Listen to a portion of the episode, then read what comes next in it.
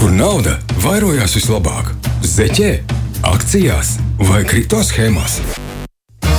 Jauni un bagāti ar Walteru Vestmani. Laiks kļūt bagātiem. Čau, Valter! Čau, labrīt! Labrīt. Labrīt, labrīt, labrīt. Visi mani dzird, viss ir skaisti, vai ne? Protams. Jā, man šie, šajos uh, zūmu laikos vienmēr ir uh, paranoja, kad zinās, sāc kaut ko runāt, vai tevi neredz vai nedzird. Tad pēdējā brīdī kaut kādus vadus vēl tur šurpu turpu kruķī. Tas tāds jau standarts, man liekas, palicis pirms katra sazvana.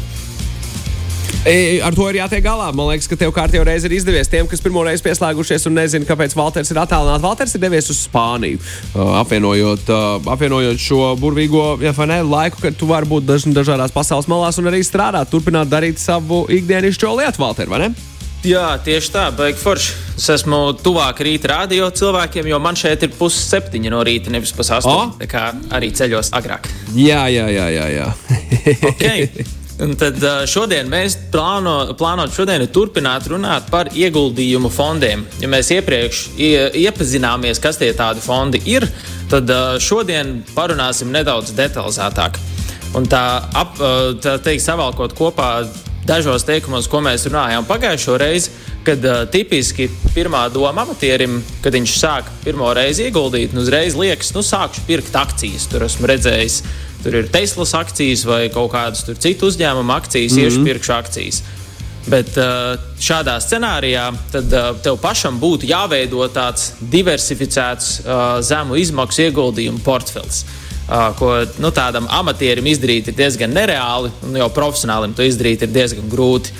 Un, tāpēc ir izgudrota tāda lieta kā ieguldījumu fonds, kas patiesībā ir tāds parastā ieguldītāja labākais draugs, jo caur ieguldījumu fondu tev ir diezgan vienkārši iespēja tikt pie šī diversificēta zemu, ieguldījumu, zemu izmaksu ieguldījumu portfeļa. Bet, nu, kā jau vienmēr finansēs par tiem fondiem, arī šīs tas ir jāzina pirms viņu sākt pirkt. Valter, man te viens jautājums. Kāpēc, kāpēc šī, šī informācija, par ko tu stāsti, ir, ir tik dārga maksā vai ir pieejama limitētam cilvēku daudzumam? Kāpēc mēs par skolā par šo nemācāmies? Mazāk kā varbūt. Nu, zini, tas tāds baigs sarežģīts jautājums. Par, kāpēc, e, es godīgi sakot, man liekas, ka skolā vajadzētu vismaz izstāstīt tādus nu, pašus, pašus pamatus, pamatus saprast. Nu, kaut, kaut vai tik daudz, ka saprast, ka inflācija reāli tev nu, diezgan brutāli ēd naudu nost tādā ilgtermiņā. Piemēram, pie šī brīža inflācijas rādītājiem, kas ir kaut kādi 5, 6, 7% vidēji Eiropā, 10, 15 gadu laikā vienkārši puse tavas naudas vērtības ir nu, pazudusi. Tā kā ja augsta inflācija turpinās būt vēl kaut kādus daudzus gadus, nu tad diezgan, diezgan traki naudu noēdīs nost tiem, ka, kam viņi nav ieguldīti. Lūk, ņemiet to vērā. Valter, turpinām tālāk. Tā kā tas diezgan traki, jā. Nu, lūk, nu tad runājot par tiem fondiem tālāk, es par piemēru gribu paņemt varbūt tās pensiju plānus, jo tas ir vienkārši jau tāds pirmais, ko mēs varam paņemt, paskatīties, lai spērtu jau tos soļus tuvāk ieguldīšanai šodien.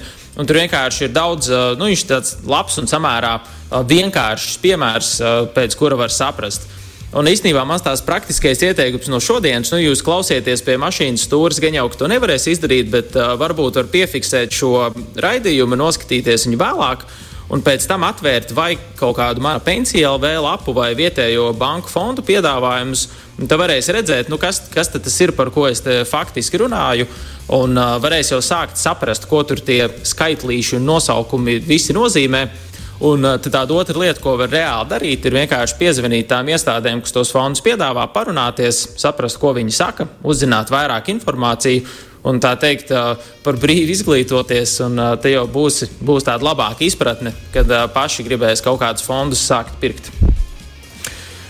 Un tad pirmais, ko tipiski cilvēki redzēs, ja viņi atvērs vai to pensiju plānu lapas vai kaut kādas banku fondu lapas, Viņi redzēs, piemēram, ir tur rakstīts aktīvais 50% vai aktīvais 100% vai kaut kāds fonda nosaukums, tur uh, developed world kaut kas, kaut kas, un piemēram 80%.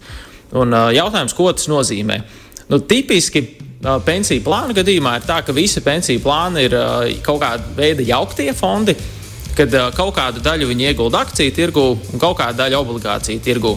Un, uh, tipiski šis, uh, šis skaitlis, tas 80, 50 vai cik nu tur tie procenti, nu, tas ie, uh, norāda ieguldījumu akciju tirgū. Piemēram, ja tas ir kaut kāds Developed World 80 kaut kas fonds, tad tas nozīmē 80% būtu akciju tirgu ieguldīti, 20% obligāciju tirgu. Protams, kā vienmēr ir nianses, bet tā ļoti vispārinot, cilvēkam, kas, kas, kas orientējas tēmā, viņš uzreiz saprastu plus, mīnus, kāds ir potenciālais risks un kāda varētu būt potenciālā peļņa jau no tā, nu, kāds ir tas akciju īpatsvars. Jo lielos vilcienos tā skatoties uz tiem fondiem, vispirms ir nu, jāsaprot tā lielā ideja, ka lielāks akciju īpatsvars tipiski nozīmēs uh, svārstīgāku fondu un potenciāli lielāku peļņu. Un, piemēram, ja cilvēks redzētu, ir 100% akciju fonds, tad tādā standarta gadījumā būtu jārēķinās, ka tas ir ieguldījums uz kaut kādiem 15, 20 gadiem, kad tu sāc ieguldīt un nu, tu saproti, ka tev to naudu nu, visdrīzāk 15, 20 gadus nevajadzēs. Ja tas ir tāds 50, 50 portfelis, tur pusi akcijas, pusi obligācijas, tad tādā standarta gadījumā tie būtu tādi 7 līdz 10 gadi, ko iegulda. Varbūt, ja es jautātu atkal jums, atpakaļ esmu, ka Valters uzdod jautājumu rīta radio komandai, kāpēc tā? Varbūt jums minējumi, kāpēc ir tā, ka vairāk akcijas un tad ilgāk jāiegulda. Nā, es nezinu. Nav nemaz nav nejausmas. nejausmas. Nav Nav nejausmas. nemazais. Okay. Tas ir easy way out. Tas ir tā, skatoties vēsturiski datos, skatoties, piemēram, ņemot vērā dažādas krīzes, kas ir bijušas finanšu tirgos, tad tipiski, nu, ja tu būtu ieguldījis tādā 100% akciju portfelī, tad, ā, ja tu ieguldi 15, 20 gadu griezumā, nu, tā ir tur tāda ļoti, ļoti liela iespēja, ka tu nu, vienmēr būtu palicis plusos. Um, jo tā vēsturiski skatoties, tāds Iedomājieties uh, pašu sliktāko scenāriju, ka akciju tirgus nogāžas lejā un līdz viņš atpakaļ atkopjas. Nu, tur ir pagājuši kaut kādi nu, roughly 14, 15 gadi, um, līdz viņš aiziet atpakaļ pa nulēm. Tāpēc, ja tu tādā 100% akciju portfelī ieguldi vismaz uz 15, 20 gadiem, nu, tad vismaz vēsturiski skatoties, tā iespēja, ka būtu palicis mīnusos, ir uh, nu, ļoti, ļoti, ļoti maza. Tāpēc, attiecīgi, ir tā, jo vairāk iegulda akcijās, jo tu rēķinies, ka tas ir tāds ilgāka termiņa uh, ieguldījums. Un šeit arī es vienmēr cilvēkiem stāstu, nu, ka no tām svārstībām nav uh, jābaidās, bet drīzāk vienkārši jārēķinās, ka tādas būs. Jo nu, ieguldīt vispār bez riska un bez svārstībām, tas, nu, es domāju, vienalga, cik tu esi labs investors, tas vienkārši nav iespējams. Un uh, visi, kas iegulda, viņi ar to rēķinās, jo nu, tas ir tas, kā tas finanšu tirgus strādā. Un uh, tipiski, ja piemēram, liela kļūda tādam nesaprātīgam amatierim ieguldītājam ir pirkt akcijas, tad uh, pirmā kļūda tādam saprātīgam ieguldītājam amatierim ir ieguldīt pārāk konservatīvi, jo nu, baidās no tām svārstībām. Um, Kaut ko gribēju jautāt? Vai... Nē, nē, nē, viss kārtībā. Tu labi pieliksi smuku punktu. Mēs turpināsim pēc Ok. okay. maza mirkļa tālāk par, par, par vēl svārstībām, gan jau vēl, gan jau ka vēl kaut ko citu. Es, es ticu, ka būs ļoti interesants. Jauni un bagāti šajā rītā arī otrā daļa šim pārraidē. un bagāti ar Walteru Vestmanu. Kur nauda vairojās vislabāk? Zeķē, akcijās vai kripto schēmās? Jauni un bagāti ar Walteru Vestmani. Valter, tālāk, kas notiek tālāk? Nu, tā, Esam atpakaļ. Jā, jā, tas Tad ir skaidrs. Tas ir skaidrs, bet kas notiek tālāk? Es esmu tagad nekonservatīvi ieguldījies, uh, vai ne? Nesmu baigi nobijies no tām svārstībām, nesmu arī nopircis uz dullo kaut ko vienu. Man ir rīktīgi interesanti. Es esmu sakojis visam līdzi, kas notiek tālāk. Mm -hmm. Ok, un šeit arī pieņemsim, ka tu esi sapratis ne tikai akciju īpatsvaru, bet arī kur ieguldi, piemēram, vai tās ir attīstības valstis vai kaut kādas attīstības valstis, uh, lielas, mazas kompānijas vai kaut kāda konkrēta industrija un tam līdzīgi. To visu var vienmēr fonda nosaukumā redzēt. Um, piemēram, tu esi to visu sapratis, jo to fondu nu, izdomājis, kur gribi ieguldīt, gribi sākt pirkt. Tā teikt, kur daļa ir uh, nosekta. Un uh, nākošais ir saprast, kas tad īsti ir labs piedāvājums. Un, kas var būt, jūsuprāt, pēdējais jautājums, ko es jums uzdodu šodien? kas, jūsuprāt, varbūt ir tipiski pirmā lieta, ko cilvēki skatās? Cik varēs nopelnīt? Cik varēs nopelnīt, jā, un pēc kā to cilvēki tipiski skatās? Pēc cenas vai ne un svārstībām. Nu, tipiski apmēram tā varētu teikt. Um, Parasti tas pirmais ir cik tad, nu, līdz šim tas plāns ir pelnījis, kāds ir tas vēsturiskais ienesīgums. Ja skatītos uz cenu, uzreiz tas būtu īstenībā diezgan labi, bet tā pirmā lieta cilvēks nu, skatās, jā, kā tas fonds līdz šim ir strādājis. Um, standarta gadījumā tā darīt nav liederīgi. Nu, tas ir liederīgi patiesībā tikai vienā gadījumā. Uh, brīdiena būs nedaudz tehniski, ko es tūlīt pastāstīšu. Bet ir tā, ja tu saproti uh, fonda ieguldīšanas stratēģiju, ja tu saproti, kādos tirgos viņš iegulda, un tu māki, piemēram, to fonda stratēģiju salīdzināt pret attiecīgo tirgu references indeksiem un novērtēt, vai fonds ir spējis adekvāti uzrādīt rezultātu nu, pret šiem references indeksiem, tad ir liederīgi skatīties uz vēsturiskiem rezultātiem. Bet, ja tu to īsti izdarīt nemāki, nu, tad tev tas vēsturiskais ienesīgums arī nu, nepateiks īsti neko. Tāpēc tā vietā nu, ir vērts skatīties uz uh, izmaksām. Un, uh, kā jau mēs iepriekš arī runājām par ieguldīšanu fondā, ja tipiski prasa kaut kādu komisijas maksu, kas standarta gadījumā ir kaut kāds procents no pārvaldītās naudas daudzuma. Uh, piemēram, ja iegūti 1000 eiro, startā varbūt neliekas nekas tāds. Piemēram, ja komisija ir 2%, nu, ko tu tur samaksāsi 20 eiro gadā, vai komisija ir 0,2%, tie 2 eiro gadā, bet nu, laika gaitā piemēram, ja ieguldījis 30 gadus, nu, tad jau tur būs diezgan būtiskas summas, un tur jau tie pro, komisija procenti diezgan lieli arī sāk parādīties. Tāpēc tāds labākais, ko darīt, ir atrast jēdzīgu fondu uzreiz, um, jo vēlāk vienkārši tev būs liekas izmaksas viņu mainīt. Un, uh, tā ļoti, ļoti vispārīgi skatoties, lai iegūtu nu, tādu vismaz priekšstatu uz to, kā uz tiem fondiem skatīties, ir tie, kas ir klausījušies raidījumu iepriekš, varbūt atcerās, ka ilgtermiņā akciju tirgus ir tā, nu, 5 līdz 10% gadā pēc inflācijas pelnījis. To var ņemt kā tādu pirmo atskaites punktu. Piemēram, ja komisijas maksa fondam ir 2%, un ja viņi un vēsturiski akciju tirgus ir pelnījis 10% gadā, nu, tad 2% no 10, nu, 2 no 10 tā ir nu, piektā daļa no peļņas. Tas ir nu, diezgan traki daudz. Um, tāpēc tāds pirmais, ko es teiktu, ja fonda komisija ir vispār ap 2%, beidz pa gabalu, ja vien tas nav kaut kas ļoti eksotisks ar ļoti augstu peļņas potenciālu. Bet uh, nu, visdrīzāk, tad, ja tu tādos fondos gribētu ieguldīt, tad tu neklausītos šo raidījumu, bet drīzāk es tavu raidījumu klausītos. Um, arī jebkas, kas ir ap procentu, ir ļoti dārgi standarta gadījumā. Piemēram, ja es pats savu naudu ieguldītu, es sāktu skatīties vispār, nu, sākot no, uh, kas ir zem 0,6% gadā komisija.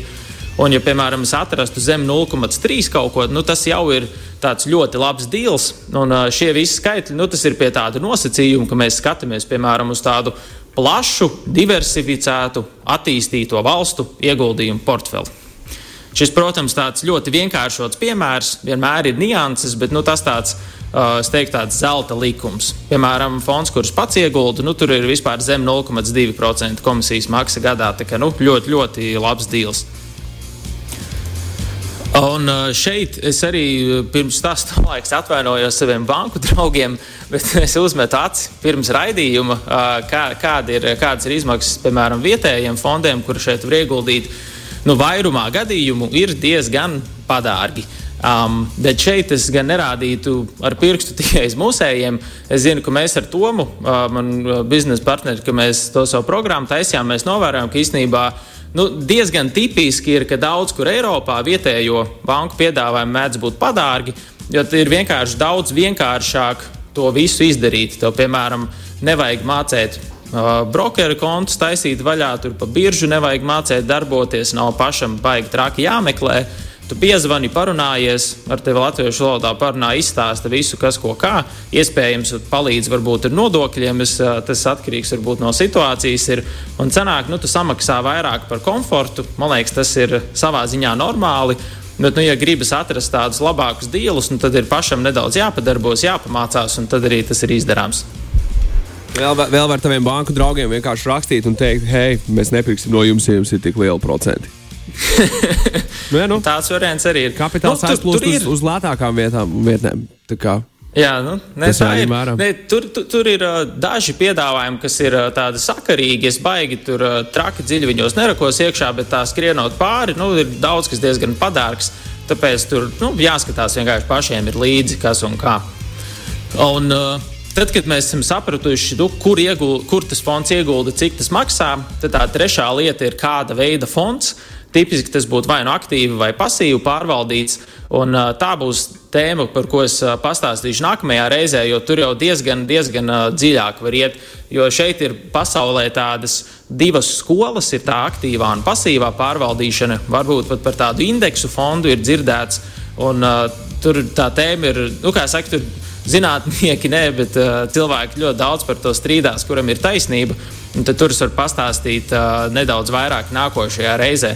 Bet savalkot šodienu kopā, tad uh, pirmais, kad mēs sākam skatīties uz fondiem, ir jāsaprot to akciju īpatsvaru, kāds mums ir piemērots. Tipiski jaunākiem cilvēkiem tas būtu vairāk akciju tirgu ieguldīt, ilgtermiņā ir iespēja nopelnīt vairāk.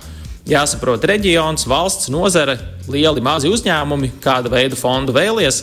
Jāsaprot, ka uh, ieguldīšana fondā tas ir ilgtermiņa ieguldījums, un ar svārstībām ir vienkārši jārēķinās. Jāsaprot, ka tādas ir un ar viņām jārēķinās. Skatīties uz vēsturiskiem rezultātiem nav liela jēga, nu, ja tu nesaproti, kā, kā uz viņiem pareizi skatīties. Tā vietā labāk skatīties uz izmaksām. Un uh, tāds zelta likums izmaksām ir, nu, ka standarta gadījumā viss ap 1% vai virs procenta ir dārgi. Zem 0,6 jau nu, ir ok, un zem 0,3 tas jau ir ļoti labs deals tādā standarta gadījumā. Protams, visam ir nianses, bet nu, tas tāds, ja tādu rule of thumb vajadzētu kaut kādu iedot, tad nu, šis ir tas, kā uz to var skatīties. Skaisti, Valter, paldies tev par, par jaunu un bagātu šajā rītā. Lūdzu, Nākamajā nedēļā atkal tiekamies un turpinām. Man interesē, man tiešām interesēs tā, tā aktīvā un pasīvā skola. Par indeksiem šeit esam jau runājuši. Kā, jā, tie, kas seko līdzi, tie var, tie, var, tie var būt jau gatavi arī uz nākamo reizi. Valter, paldies tev, viņš! Visu labu! jā, paldies, čau! Jauni un bagāti ar Walteru Vestmani. Šī radio pārraide tapusi sadarbībā ar neatkarīgo producentu Vesmanu Mīdiju.